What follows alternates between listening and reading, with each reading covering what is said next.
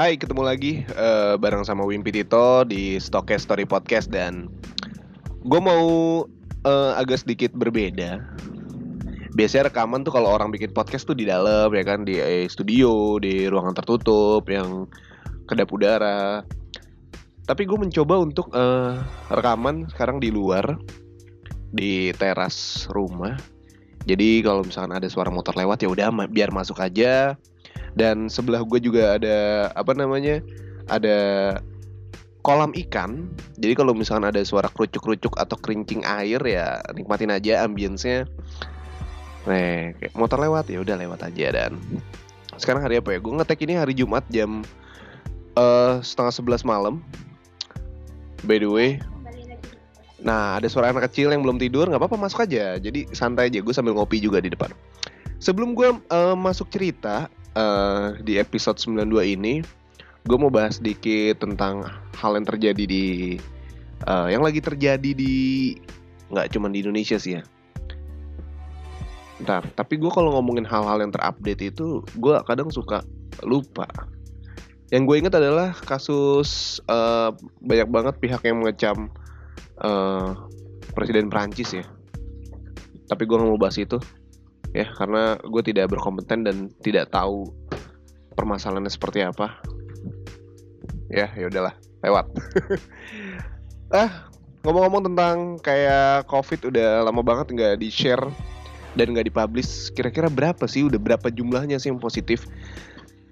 Terakhir dengar kabar katanya 400 ribu yang uh, jumlah ya jumlah positif 400 ribu tapi itu ya nggak nggak 400 ribu sedang uh, apa namanya sedang terkena corona. Tapi itu jumlah keseluruhan yang udah sembuh segala macam.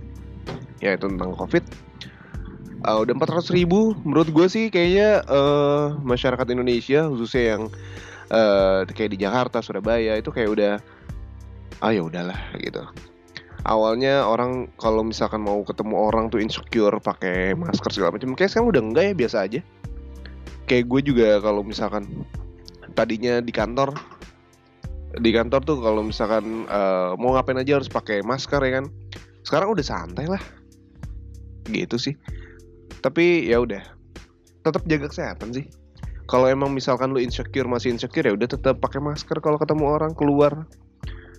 Tapi gue nggak tahu ya mall-mall uh, sekarang mall-mall itu tutup jam berapa sih? Kalau waktu zamannya psbb kan jam 8 udah pada tutup tuh Nah sekarang gue nggak tahu deh jam berapa. Apa lagi ya? Um, apa sih yang? Oh iya, narasi. Ya, narasi mengeluarkan video tentang uh, pembakaran pelaku pembakaran halte dan itu menurut gue keren banget.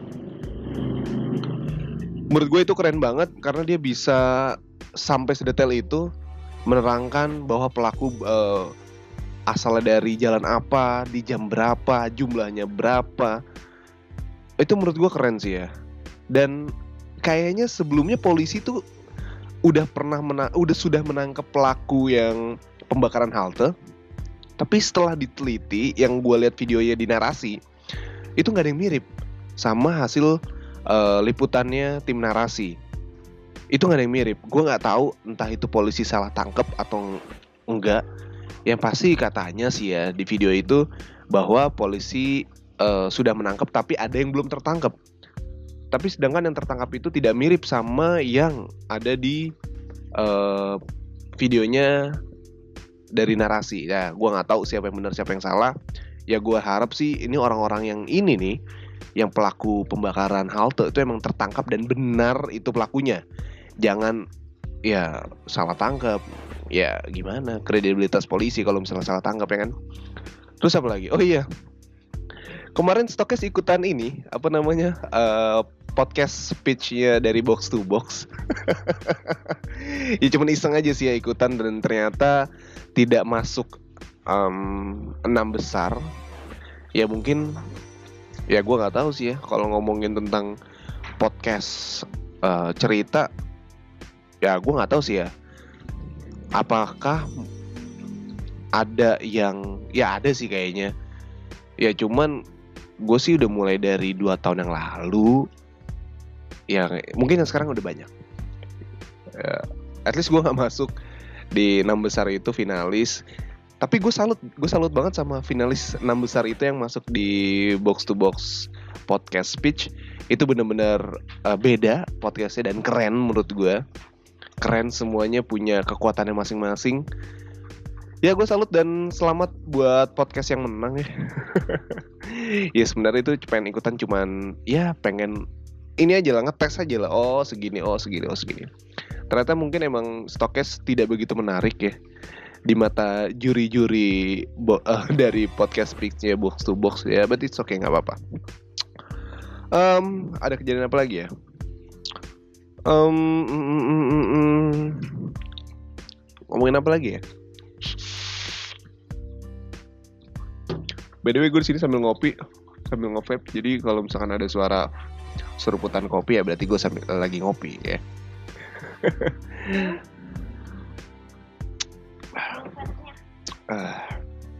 ya kalau misalkan ada suara anak kecil ya berarti itu ada anak kecil yang belum tidur ya jadi nggak apa-apa masuk aja suaranya. Ada apa lagi sih? Kok gerimis ya? Jangan bisa aman? Aman aman aman. Gue ngeri hujan soalnya gue lagi di luar. Uh, apa lagi ya? Uh, uh, uh, uh, uh. Kayaknya udah yang ada di kepala gue yang di, yang gue inget itu aja berita beritanya ntar gue buka email dulu hmm, Oke, okay, email udah masuk di stokes.id@gmail.com. Ada dari siapa nih?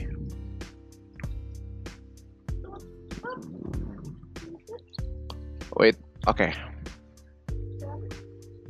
Um, oke, okay. oke. Okay. Langsung aja udah gue buka emailnya uh, tanpa basa-basi lagi. Ini dia Stokes episode ke 92.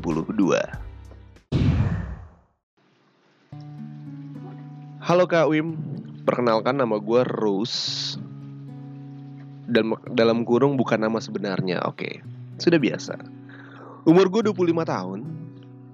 Gue pengen cerita tentang hidup gue Wim. Waduh, kenapa nih? Jadi Wim, gue punya cita-cita bisa jadi seorang pramugari. Karena gue pengen banget bisa jalan-jalan sambil kerja, oke. Okay. Kenek juga kerja sambil jalan-jalan kenek bis antar kota ya. nggak bercanda mana nih uh, awalnya gue juga nggak terlalu berharap bisa kerja jadi pramugari karena bukan hal yang mudah juga kan ya setelah lulus kuliah juga gue memilih untuk kerja di kantoran aja dan pengen hidup biasa-biasa aja dan mengejar karir sebagai pegawai kantoran. Tapi berkat salah satu temen gue yang kasih semangat terus menerus untuk uh, nyuruh gue nyoba ya akhirnya gue pun mencoba untuk daftar jadi pramugari. Beruntungnya sih badan dan muka gue mendukung juga. Hehehe maaf sedikit narsis. Oke. Okay. tapi walaupun mendukung juga bukan hal yang mudah juga buat gue bisa lolos selama tiga tahun Wim gue mencoba berkali-kali untuk mendaftar di berbagai maskapai di Indonesia dan selalu gagal. Dan gue pun sempat putus asa di percobaan ke-6 Gue pun berpikir mungkin ini emang bukan jalan gue kali ya untuk jadi pramugari. Tapi temen gue ini masih nyuruh gue untuk ikut lagi. Positif pikiran apa nih? Positif pikiran untuk nyuruh gue daftar pramugari lagi Ntar ada motor lewat Yaudah deh uh, dorongan itu gue mencoba cari-cari lowongan pramugari dan saat itu maskapai plat merah lagi buka lowongan.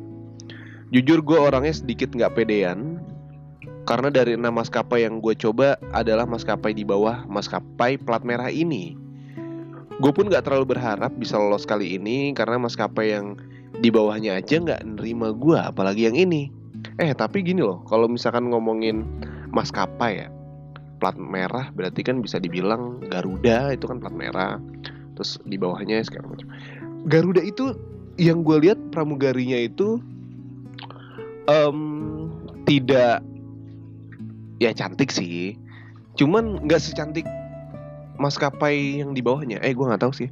Yang gue lihat sih perasaan pramugari Garuda ya ada mungkin beberapa cantik tapi ada yang biasa aja menurut gue justru kayak misalkan AirAsia itu cantik-cantik men. Asli. Itu cantik-cantik. Ya gue nggak tahu sih ya. Ini ini ini, ini subjektif aja dari penil dari sudut pandang gue aja. Lanjut.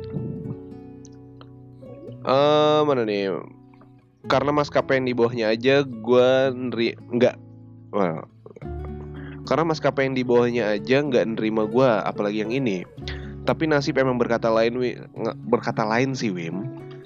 Apa yang gue yakini ternyata setelah proses panjang banget dan melelahkan akhirnya gue lolos Wim. Asli gue seneng banget. Bahagia banget bisa lolos dan jadi pramugari di sana. Dan karir gue di kantor ya tinggalin Wim. Oke. Okay. ya bener lah ngapain? Enak pramugari. Setelah proses panjang lainnya setelah seleksi dan pelatihan akhirnya gue resmi jadi pramugari Wim asli bahagia banget dan enjoy banget gue jalan jalanin kerja ini Wim. Nyokap bokap gue juga bangga banget lihat gue yang berhasil jadi pramugari. Bener-bener gue bahagia banget Wim waktu itu. Tapi semua berubah setelah muncul COVID-19 emang brengsek ya COVID-19 tuh. Awalnya awalnya masuk pandemi ini gue masih bisa terbang hingga tidak lama kemudian terjadi PSBB yang menyebabkan bandara tutup yang otomatis penerbangan juga ikut terdampak sehingga gue yang semakin lama. Sehingga gue yang menjadi kru kabin pun dirumahkan. Awalnya dirumahkan gue masih dapat gaji pokok Wim. Tapi semakin lama gue yang statusnya hanya pegawai kontrak pun akhirnya tidak mendapat gaji lagi. Gue masih santai dan akhirnya senior senior gue yang kontraknya habis pun tidak diperpanjang oleh maskapai. Gue mulai panik tapi masih agak sedikit tenang karena gue masih berpikir kontrak gue masih panjang walaupun gue nggak digaji. Tapi gue tetap pegawai mereka. Dan pikiran positif gue pun hancur setelah mendapat kabar bahwa gue dan rekan-rekan gue diputus kontrak secara sepihak oleh Garuda. Waduh dia nyebutin maskapai nih. By the way juga kabarnya kemarin Garuda katanya itu merumahkan atau mem-PHK 700 karyawannya termasuk pramugari bener-bener runtuh banget. Gue Wim sedih banget. Gue dan gak nyangka banget. Berasa hancur masa depan gue Wim. Gue punya harapan tinggi dan ingin didedikasi dengan perusahaan ini tapi takdir berkata lain. Selama dua hari ini gue nangis dan murung banget Wim. Cuma gue lagi berusaha untuk mencari sisi baiknya karena dunia nggak berhenti Wim dan tetap bergerak. Doakan gue ya Wim bisa nemu tujuan hidup lainnya atau kalau masih jodoh uh, doain gue bisa kembali terbang. Kangen banget gue lihat awan Wim jadi pemandangan kerja setiap hari. Wow. Berisik kamu ya anak kecil belum tidur. By the way gue ditemenin bocil. Dia lagi ngeliatin gue bikin podcast. Mungkin suatu saat nanti dia bakal bikin podcast juga. Cuman nggak tahu kapan. Lagi apa? Lagi ngehack ngehack komputer. Ya udahlah biar aja. Biar keren. Mungkin kayak ngobrol sama anak kecil seru ya misalnya ya nggak tahu. Ya jadi gitu. Uh, Rose ini nama samaran. Dia terkena dampak covid padahal pramugari Garuda yang apa ya yang ini salah satu pekerjaan yang didamba-dambakan oleh uh, hampir seluruh cewek kali ya yang pengen eh, jalan-jalan tapi dapat duit ya jadi pramugari gitu. Tapi by the way ngomong-ngomong tentang pramugari sepupu gue ada pramugari tapi Saudi Arabian Airlines. Ya gue sih melihatnya dia masih tetap ini ya karena mungkin di perusahaan luar dan dia stay di kayaknya stay di ayah di Arab ya lah. Tapi sering banget dia lagi di Amerika segala macem uh, ada cerita lucu gue sama sepupu gue ini pramugari. Jadi uh, satu waktu dia tuh lagi ke Inggris, lagi ke Inggris.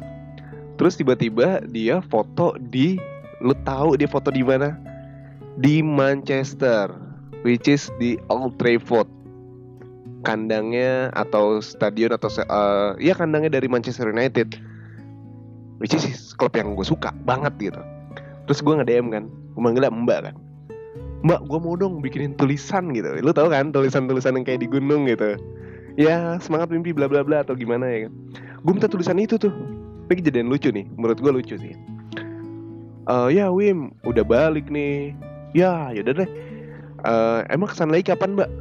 Dua minggu lagi sih gue ke Manchester lagi katanya gitu. Oh yaudah nanti bikinin tulisan kayak gini-gini ya di ini ini ini oke kata dia. Oke udah dua minggu kemudian ya benar dia ke Manchester. Cuman ke Manchester City. Aduh rival ya. Ya akhirnya udah nggak jadi. Nggak mungkin dong gue bikin tulisan atau uh, apa di depannya Etihad Stadium. Ya nggak mungkin lah. Ternyata dia ke Manchester City ke stadionnya. Jadi kayak stadion tour gitu. Akhirnya ya udah gagal lah gue untuk bikin eh, kata-kata tulisan di depan Old Trafford. Tapi ya udah gue sih berdoa semoga gue bisa sampai ke sana sih ya. Um, itu itu itu cerita dari uh, cerita pramugari dari sisi gue sepupu gue sendiri ya alhamdulillah sih nggak kena terdampak covid ya karena mungkin perusahaan luar. Gue berdoa yang uh, di PHK khususnya pramugari yang kena PHK eh, senggaknya. Senggaknya gini cewek yang diterima pramugari oleh maskapai apalagi Garuda otomatis tinggi cakep ya tinggi cakep pinter lah. Nggak mungkin nggak mungkin bodoh. Lu punya modal itu. Lu udah punya modal cakep lu udah punya modal uh, fisik lu tinggi bagus dan lu punya otak yang pinter gitu dan kalaupun lu ngelamar jadi pramugari lagi seenggaknya lu ada udah ada embel-embel dari Garuda. Eh kan? Udah terbukti loh. Oh dia mantan Garuda nih bla bla bla segala macam itu udah udah udah jadi modal buat lu sih ya. Ataupun emang uh, kalau misalkan emang lu pengen buka usaha sih ya menurut gua modal modal cakep juga bisa menarik pelanggan sih ya. Atau misalkan lo buka coffee shop terus karena lo yang punya which is cakep misalkan pasti datang cowok-cowok ya kan wah ini yang punya cakep nih atau ini yang jaga cakep nih atau ini kasirnya cakep nih gitu. Itu udah modal sebenarnya lu gak usah gak usah insecure ketika lu udah cakep udah tinggi ya kan? Udah gak usah insecure lah lu bisa melakukan hal apa pun sebenarnya. Gitu. Um, apa lagi udah kali gitu aja ya. Ya semoga um, diberi ketegaran buat teman-teman yang terdampak uh, covid khususnya pramugari. Ya semoga bisa mendapatkan pekerjaan lain yang lebih baik lagi. Ya seenggaknya ada hikmahnya sih ya. Kalau misalnya lo jadi pramugari lo pasti bakal sering uh, yang namanya meninggalkan keluarga. Mungkin dengan adanya kejadian seperti ini hikmahnya adalah lo bisa sama-sama keluarga terus lo bisa mendapatkan pekerjaan lain yang tidak uh, tidak mengharuskan lo meninggalkan keluarga ya kan? Ada hikmahnya lah di balik ini semua. Jadi nggak usah takut ya. Nggak usah insecure. Ya pasti dapat pesangon gak sih? Pasti dapat lah ya. Dapat gak sih? Dapat lah pasti ya. Nggak mungkin enggak lah. Apalagi perusahaan BUMN gitu. Sekelas Garuda pasti dapat duitnya gede banget tapi ya udahlah ya gitu aja uh, mungkin um, episode kali ini sampai ketemu minggu depan jangan lupa kalau yang pengen ngirim cerita ya susah banget untuk uh, susah banget untuk curhat sama orang lain lu bisa kirimin cerita lu ke Stokes langsung aja kirim ke email di stokes.id at gmail.com Yaudah kalau begitu uh, sampai ketemu minggu depan. Wim Pitito pamit. Dah.